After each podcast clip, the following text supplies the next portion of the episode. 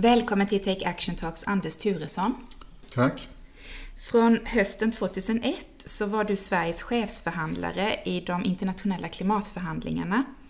Eh, och idag så har du andra funktioner relaterade till klimatet i miljö och energidepartementet. Dessutom är du huvudsekreterare i det vetenskapliga rådet för hållbar utveckling. Stämmer. En lång och gedigen erfarenhet eh, och inom många, på många funktioner internationellt och här i Sverige. Ja, jag har jobbat med det mesta men framförallt med klimat. Jag tänkte just ja, det här med klimat och man tänker så här Parisavtal och globala målen och Kyotoavtal. Det är mycket namn och kan ibland vara lite förvirrande. Jag tänkte om du vill börja med att berätta från början hur de här olika, vilka de olika stora avtalen är och vilket som är det första och sen fram till idag.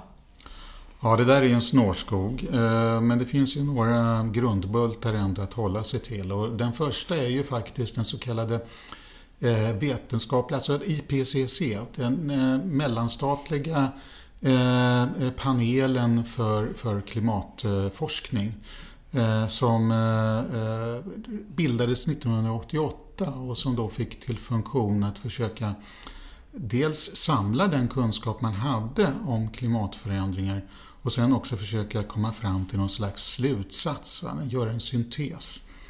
Och det där var väldigt grundläggande. Man kom ut eh, med en första utvärderingsrapport som det heter år 1990. Så då fick vi liksom ett, ett första, en första stark signal ifrån det internationella vetenskapssamfundet om att det faktiskt fanns ett, ett problem här, ett klimathot. Och det ledde fram till en politisk process som i sin tur eh, innebar att man i Rio de Janeiro 92, många känner ju till Rio-konferensen, eh, kunde komma överens om en eh, konvention, klimatkonventionen, så det är en FN-konvention med, med den långa bokstavsförkortningen UNFCCC. UN Framework Convention on Climate Change.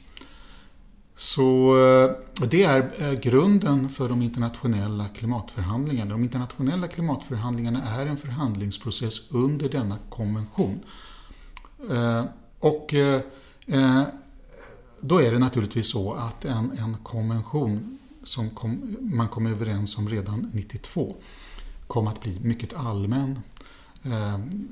Man eh, lyckades ska vi säga, formulera allmänna principer om samarbete, om mål och sådant. Men man insåg också redan från början att nu var det väldigt viktigt att eh, konkretisera detta. Operationalisera. Det här måste ju bli verklighet också. Det får inte bara bli, bli vackra allmänna fraser. Och eh, då uppstod eh, tanken att man skulle eh, utveckla ett protokoll som skulle definiera detaljerna i det internationella samarbetet. Och det är det som med tiden blev Kyotoprotokollet. Problemet var bara det att Kyotoprotokollet, och det kom man överens om 97. Mm. Eh, så då har vi alltså en förhandlingsprocess som, som eh, upptog de fem åren mellan 92 och 97 för att komma fram till det protokoll som ju kom att bli väldigt välkänt får vi väl säga. Mm. Det var liksom kärnan i klimatförhandlingarna under många år. Varför Eh, blev det det? Jo, därför att Kyotoprotokollet, som man i och för sig kom överens om, det eh, var ju inte tillräckligt preciserat det heller. Alltså dilemmat med Kyotoprotokollet var att det var väldigt kraftfullt egentligen. Eh, och det hade långtgående juridiska implikationer för de parter, det vill säga de stater som skulle skriva under. Framförallt de industrialiserade länderna. Och då är det ju så, eh, om man skrivit på ett protokoll med långtgående eh, ska vi säga, förpliktelser, att då kommer alla andra departement här på regeringskansliet, och det gäller inte bara i Sverige utan i alla länders regeringskanslier, att undra vad blir konsekvensen av det här? Inte minst finansdepartementen kommer naturligtvis att undra över det. Så då insåg man att vi måste nog konkretisera det här ytterligare. Vi måste utveckla regelsystemen i ännu större detalj.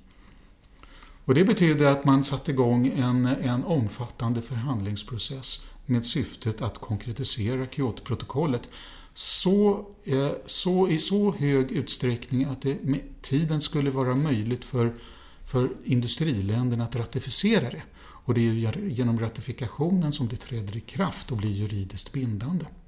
Så det, det, är det som klimatförhandlingarna i mycket stor utsträckning handlade om under en lång följd av år.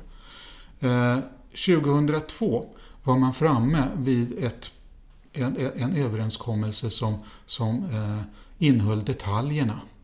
Så man fick alltså hålla på mellan 97 och 2002 för att eh, då eh, komma fram till ett protokoll som faktiskt var möjligt att ratificera.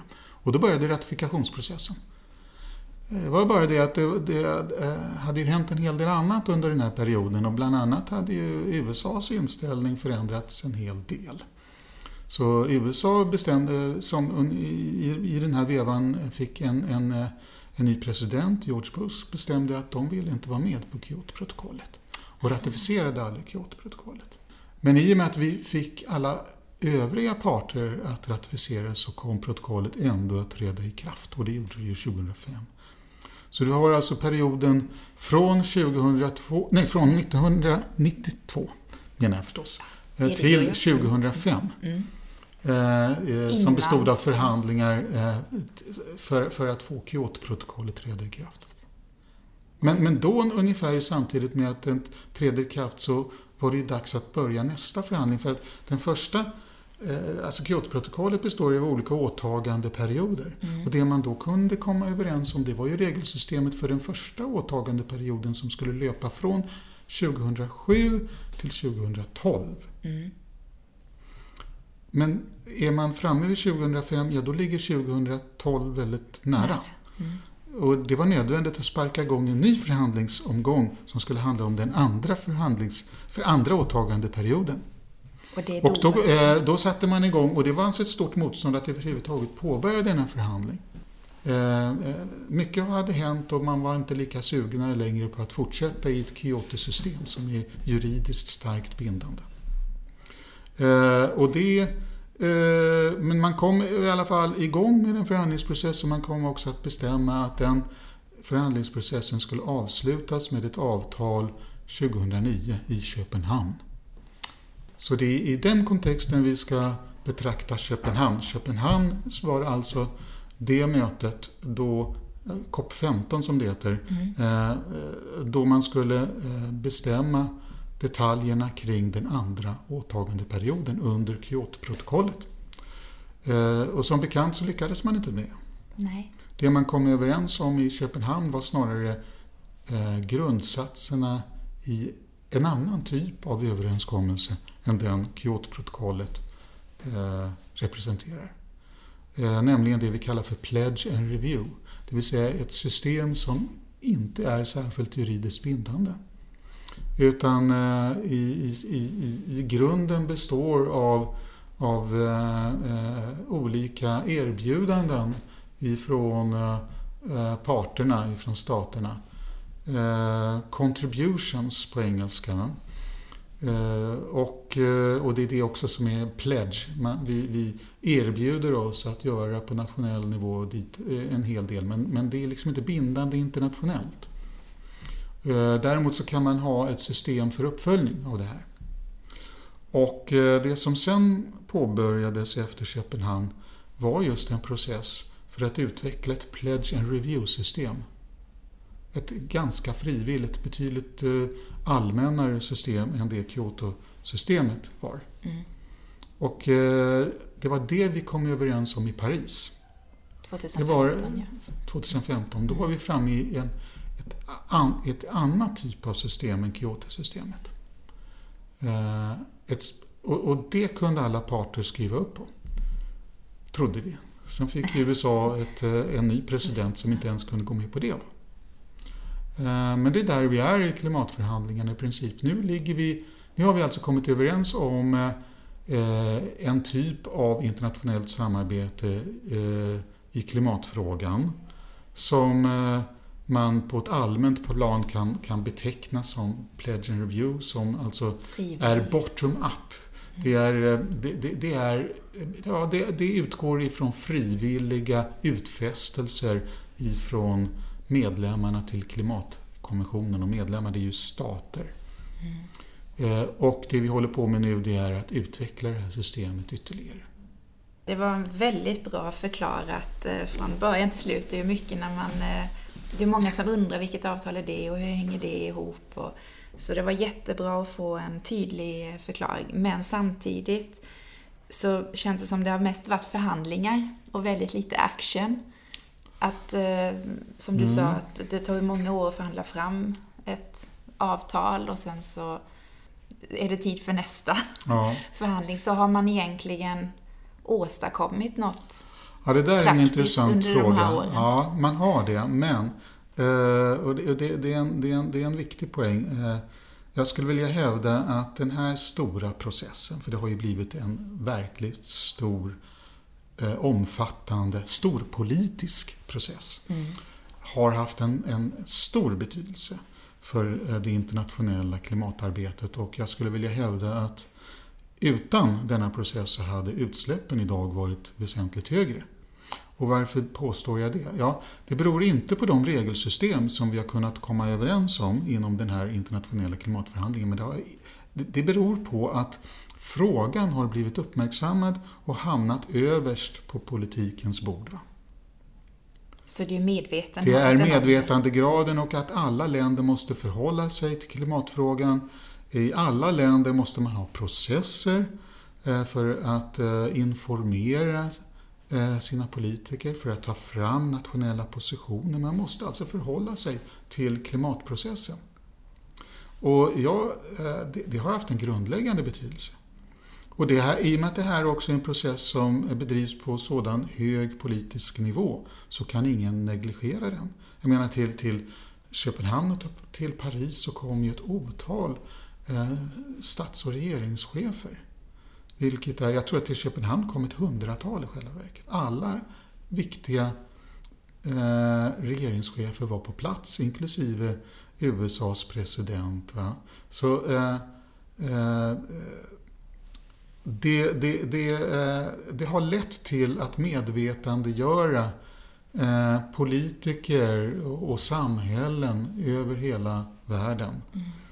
Och eh, det har lett till att alla länder måste utveckla nationella positioner. Och när man utvecklar en nationell position så måste man ju genomföra en utredning. Vad betyder det här för oss?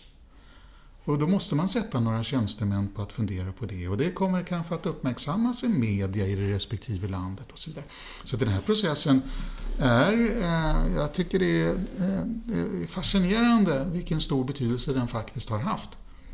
Men faktiskt inte genom det vi har kommit överens om. Nej. Eller inte kommit överens om. Eh, jo, kanske något även där. Faktum är att det utsläppshandelssystem som vi nu har i Europa är ju en, ett slags, eh, en slags spin-off av eh, Kyoto-förhandlingarna. Så att för Europa har de här eh, internationella klimatförhandlingarna haft en stor betydelse. De har också haft en jättestor betydelse för att formulera mål på det här området. Tvågradersmålet och så vidare. Och sen har det funnits den här spännande interaktionen mellan vetenskapen och politiken som har varit så viktig. Alltså IPCC som jag nämnde mm. eh, har ju kommit med sina utvärderingsrapporter. Och i och med att man haft en, en förhandlingsprocess som har varit kopplad till den så har, har ju vetenskapens signaler då blivit omhändertagna i en politisk internationell diskussion på högsta mm. nivå. Mm. Och man kan se eh, att det finns en...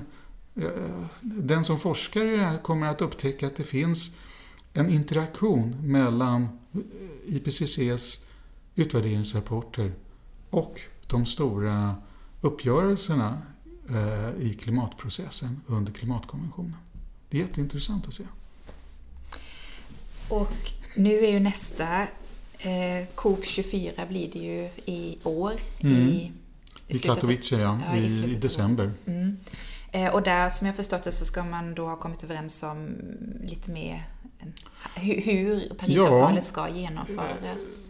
För nu är vi ju tillbaks eh, där vi var med Kyotoprotokollet, även om det här är inte är ett Kyotoprotokoll, det är något betydligt mer frivilligt och allmänt. Men, men lika fullt mm. är, är vi tillbaks i en överenskommelse som är formulerad på en väldigt översiktlig, eh, övergripande och principiell nivå.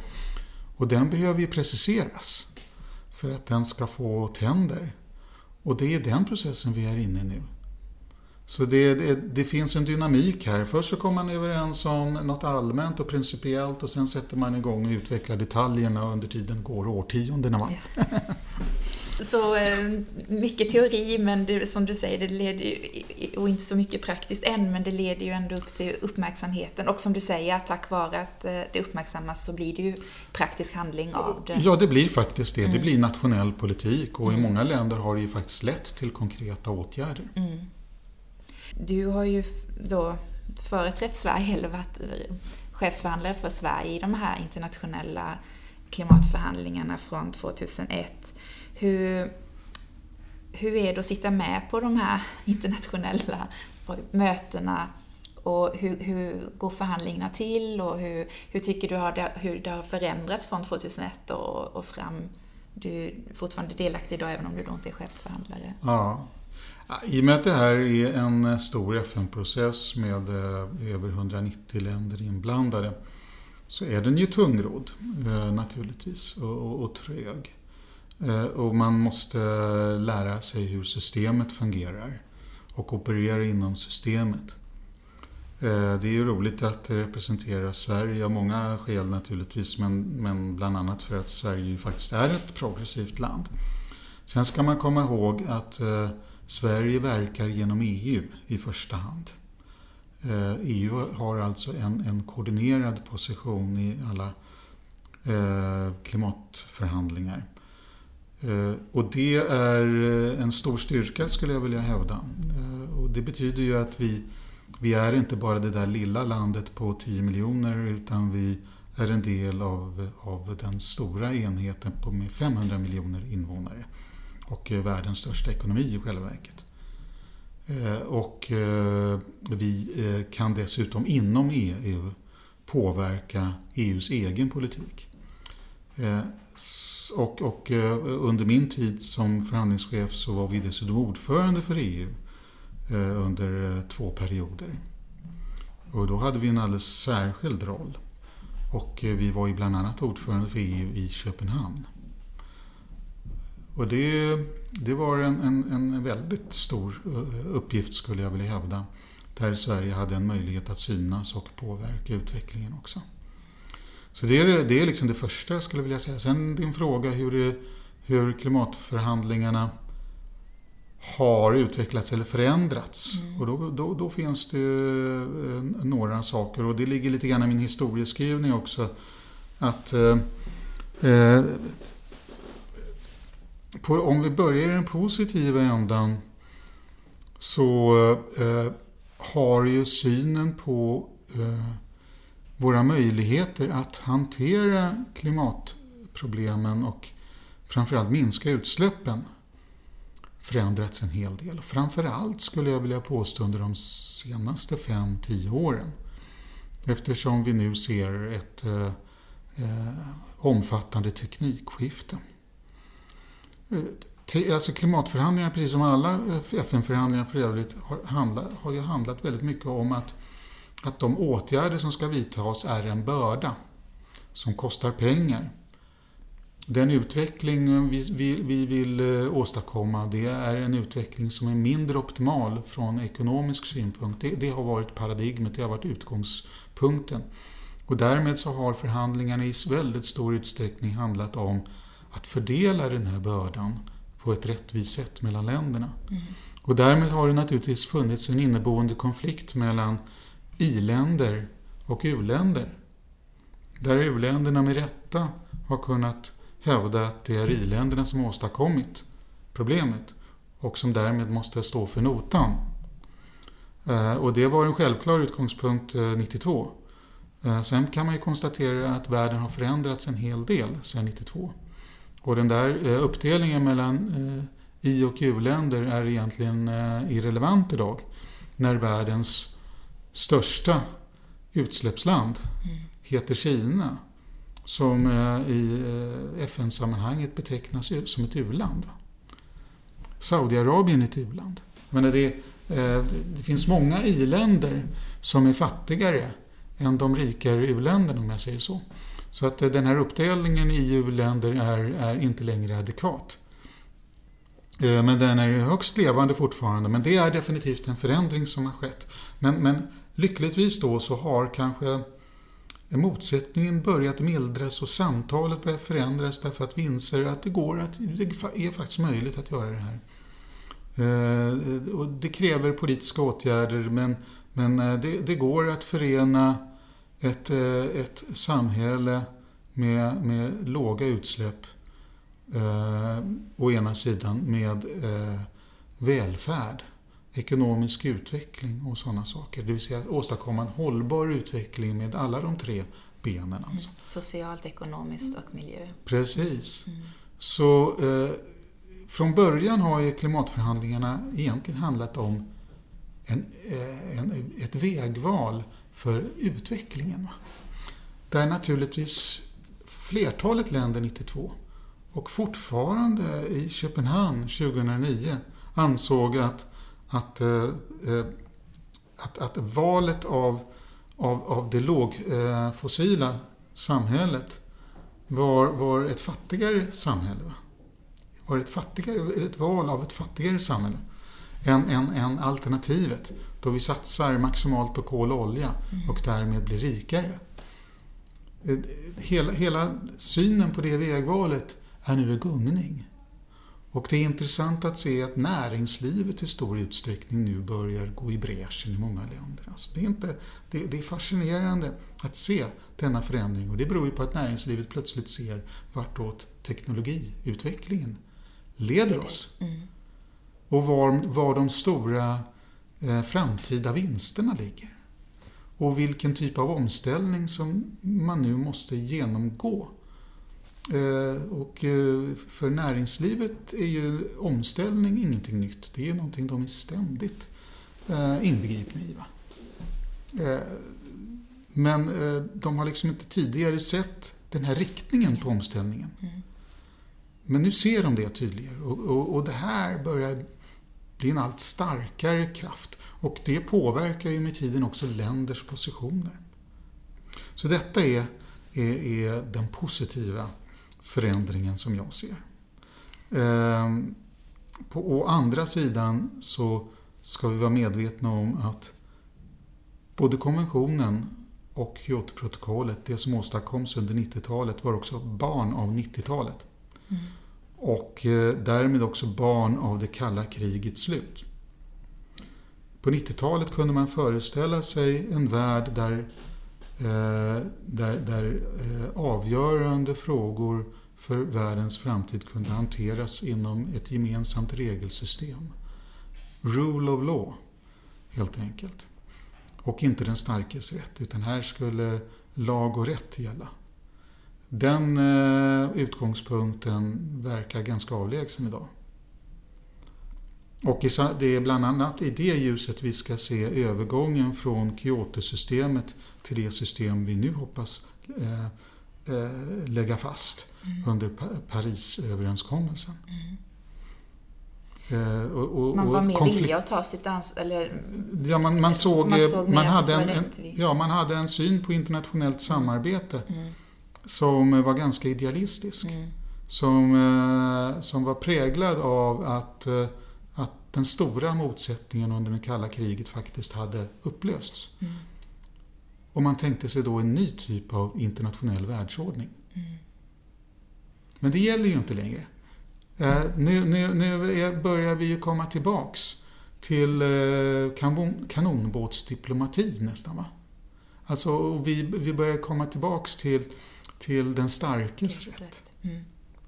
Och det här tycker jag är djupt deprimerande och, och jag tror att eh, det kommer få negativa återverkningar på våra möjligheter att hantera miljöfrågor ytterst också. Tyvärr. Vi har inte sett så mycket av det lyckligtvis ännu så länge. Eh, men... Eh, är det vissa saker som att USA inte vill vara med? Ja, det är, ju... det är ju typiskt. Va? Mm. Mm. Alltså att det förespråkar krigsanda vinning. USA kan inte se det här som ett uttryck för amerikansk maktpolitik. Och, men det är, ju inte, det är ju faktiskt ingenting speciellt för USA. Nej. Det finns andra länder som, som nog eh, eh, eh tolkar det här på ett, ännu, på ett ännu värre sätt på något vis. För att som, Så vi, vi har nu Eh, ett antal maktcentra i världen va, som är på väg att eh, bli allt mer konkurrerande. Och därmed blir det allt svårare att eh, hitta en internationell, en global ordning.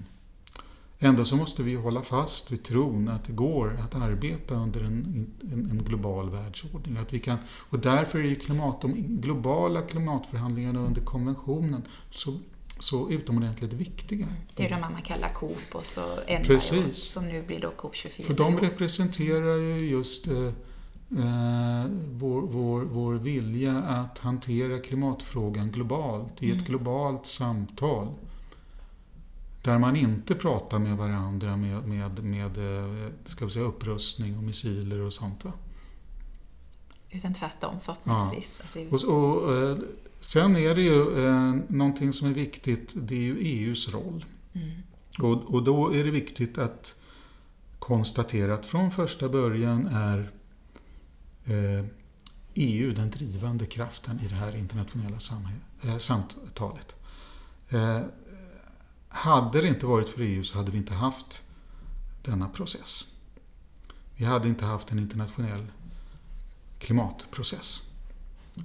Eh, och EU har räddat den här processen vid flera tillfällen. Den har varit på väg att kapsejsa vid flera tillfällen. Och det är tack vare EU som man har kunnat rätta upp situationen. Eh, och eh, därför är det så utomordentligt viktigt att EU kan hålla samman om en ambitiös klimatpolitik. Och att hålla samman om detta också i det internationella samfundet. Mm. Eh, och här under tiden sedan 92 till idag har ju EU förändrats.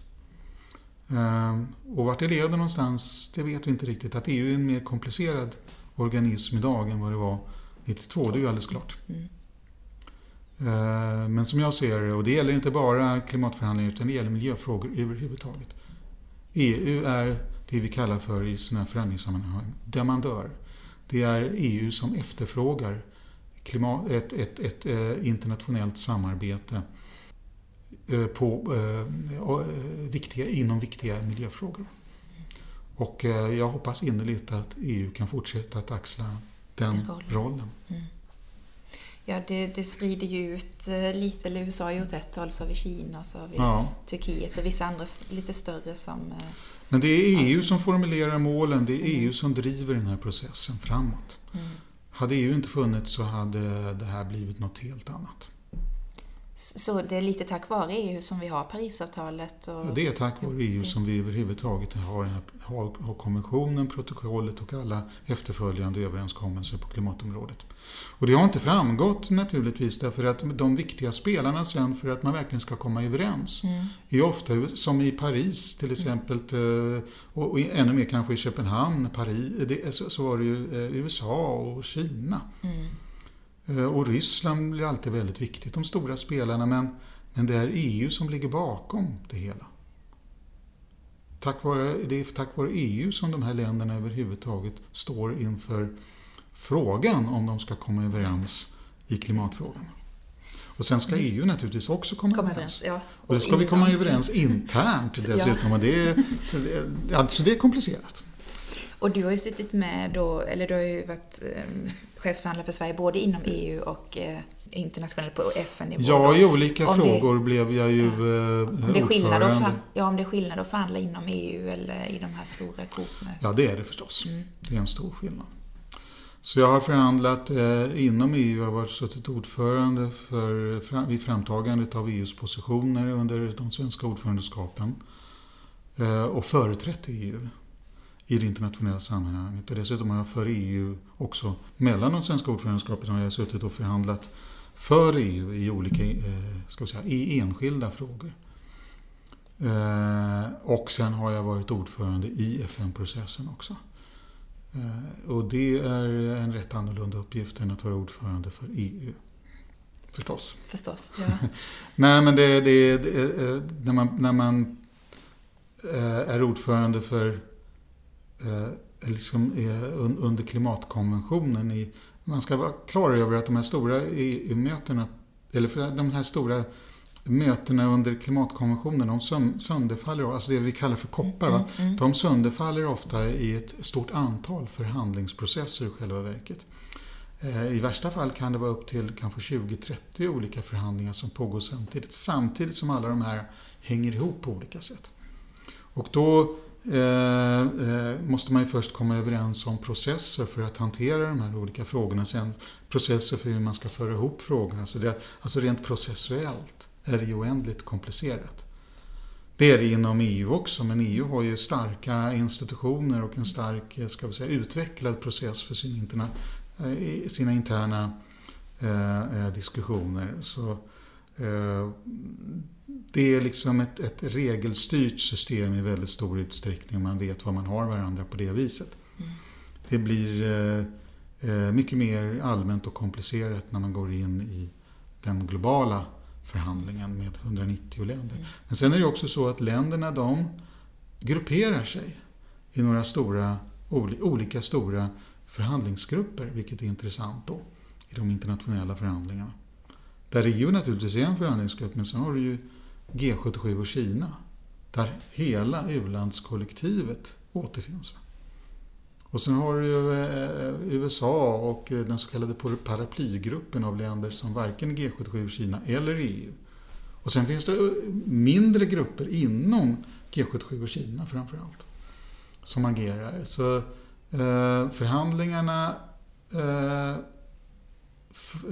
förs ofta mellan de här olika förhandlingsgrupperna. Och det är den dynamiken man då måste hålla reda på som ordförande. Man är ordförande för eh, en förhandling mellan olika stora förhandlingsgrupper i själva verket. Med ska vi säga, undergrupper och enskilda länder självklart. Men det är i hög grad en, en konst som består i att få eh, G77 och Kina, EU och USA, eh, Ryssland och några andra stora länder som ligger liksom utanför de där stora blocken lite grann. Att komma, komma överens om någonting. Det är inte den lättaste uppgiften. Nej, men märkligt nog funkar det. Ja, det, det är vi jättetacksamma för. Jag skulle vilja avsluta med att fråga dig om du tror, du som jobbar i de här globala sammanhangen och just med vår ödesfråga klimatet, att vi måste komma överens om att det påverkar oss alla. Finns det något hopp? Att vi klarar ja, detta? Eh, det gör det ju och jag var ju inne på det, alltså att, att det händer ju väldigt mycket just nu. Mm. Och bara det faktum att man har en internationell eh, process på allra högsta politiska nivå för den här frågan. Eh, eh, det ger hopp. Att vi har ett vetenskapssamfund som är starkt i den här frågan och som ger ganska tydliga signaler, tycker jag, till det politiska systemet. Det ger hopp. Men framförallt utvecklingen nu Ska vi, ursäkta, ska vi säga att det är en utveckling underifrån, med, ja, inte minst från näringslivets sida naturligtvis, men ifrån städer, regioner, enskilda människor eh, över hela vår värld. Eh, det tycker jag inger hopp. Men jag tror inte vi har någon enkel resa framför oss, trots, trots allt detta. Men självklart så är det här möjligt. Det är möjligt att lösa när, när alla inser hur allvarligt det är att vi ändå sätter det främst. Ja, eh, och, och att vi faktiskt vidtar åtgärder. Jag menar, på något vis löser sig alltid. Frågan är bara om det ska lösas genom att vi kraschar först. Genom den stora katastrofen. Vilket inte är så roligt på klimatområdet för det mm. finns liksom ingen väg tillbaka. Klimatsystemet är som det är. Mm. De eh, utsläpp vi har gjort av koldioxid, de är ju kvar där. Mm. mm. Det kommer ju ta många hundra år bara få... Ja, tusentals år. Ja, Så att klimatsystemets förändringar blir i stor utsträckning irreversibla. Och, och, det är därför vi faktiskt sitter lite grann med kniven mot strupen nu, tycker jag, eh, mänskligheten. Mm. Vi måste hantera den här frågan och vi måste hantera den ganska snabbt. Jag tror att vi är förmögna att hantera den. Den stora frågan är bara om vi kan hantera det här problemet tillräckligt snabbt vi, vi, vi, lever på, vi fortsätter hoppas att det går mm. och att, vi, att nästa, nästa COP-möte leder till mer action här nu då. Eh, jag brukar avsluta varje podd med att fråga om några konkreta tips vad man i sin vardag kan göra för att bidra då till en hållbar värld utifrån ämnet vi pratat om. Så några konkreta tips på vad vi alla kan göra. Ja. Och då tänker du inte på det där allmänna som jag då tycker är väldigt viktigt, nämligen att vi som samhällsmedborgare agerar och eh, gör det möjligt för våra politiker att fatta beslut. För det är faktiskt vi, i ett demokratiskt samhälle så är det vi som medborgare som, eh, som gör det möjligt för våra politiker att vara progressiva. Eh, om vi, om, om, om vi inte är beredda att acceptera en del politiska beslut, ja, då blir ju de inte heller möjliga. Så att som samhällsmedborgare har vi ett mycket stort, i ett demokratiskt samhälle har vi ett jättestort ansvar skulle jag vilja påstå. Men du är att visa efter... politikerna att ja. vi är villiga att, eh, att vi vill att de ska genomföra de här klimatåtgärderna. Just det. Ja, mm. mm. precis. Men du är kanske ute efter något mer konkret och handfast. Och, och det där är ju alltid svårt, därför den här frågan är ju liksom så allmän, generell. Det, det är ju så att det, den enskilde individen eh, för att kunna leva miljövänligt kräver att, att eh, eh man med politiska beslut skapar förutsättningar för det. Men det, är också den andra vägen. Genom att agera medvetet, då, inte bara som samhällsmedborgare utan framförallt som konsument, så kan vi ju påverka sen mm vad, vad, eh, vilka beslut som ska fattas och så vidare. Och jag, som konsumenter har vi ju jättestor makt naturligtvis. Det är samma sak det, att genom att handla vissa saker så ja, visar vi företag vad vi Absolut, och jag menar nu finns ju stora möjligheter att eh, handla klimatsmart på en lång rad eh, områden. Eh, själv när jag köpte bil senast så köpte jag en laddhybrid. Men det är klart, det är lite dyrt så att det, är ingenting, det tycker jag skulle vara ett lite förmätet råd att, att ge till andra. Men de som har möjlighet, och det är trots allt rätt många, har ju möjlighet att, att eh, satsa på ny teknologi solfångare kommer i stor utsträckning. Helt, helt nya möjligheter att faktiskt som, som, som hushåll alltså ta, ta när man köper hus skulle jag vilja säga, då, det är en av de största insatser man kan göra då att ställa krav på, på tekniska lösningar, isolering och allt det där du vet för uppvärmning, ventilation och allt det. Se till att husen blir bra. För att husen ska sen bestå länge. länge. Mm. Så de kommer vi att få leva med i ett halvt sekel, kanske ett sekel. Va? Så att om vi bygger fel så blir det väldigt galet för våra kommande generationer. Väldigt svårt att rätta till. Så det, det tycker jag är utomordentligt viktigt. Sen har vi den här frågan om mat. Som jag eh, är lite engagerad i och då är jag inte vegetarian eller vegan eller något sådant. Jag vill plädera för, eh, för naturligtvis att man ska äta lite mindre kött. Men framförallt ska man äta bra kött. Kött som är bra för klimat och miljö. Och eh, ska vi säga, den enkla vägen ut där är faktiskt att välja kravmärkt kött. Men inte bara kött utan så långt möjligt va? Eh, eh, våra, den mat vi äter, att se till att den är framställd på ett bra sätt. Och eh, den boskap, de djur som vi har i livsmedelsproduktionen, de ska leva bra det, det handlar om, om djurens hälsa, tycker jag.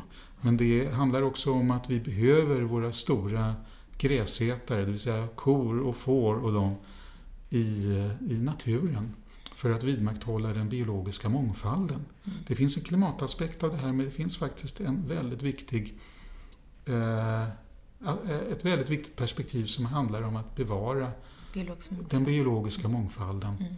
För att våra kossor de utgör grunden för hela ekosystem. De har funnits där alltid, mm. även före människan. Mm. Och eh, det har skapats ekosystem som är knutna till våra stora gräsätare. Och de ekosystemen är våra rikaste. Där finns tusentals arter och om kossan försvinner från, från landskapet så försvinner hela ekosystem och en enorm rikedom. Så ät eh, lagom mängd kött, men framförallt bra kött. Mm. Och då gör man också, anser jag, en bra insats för klimatet.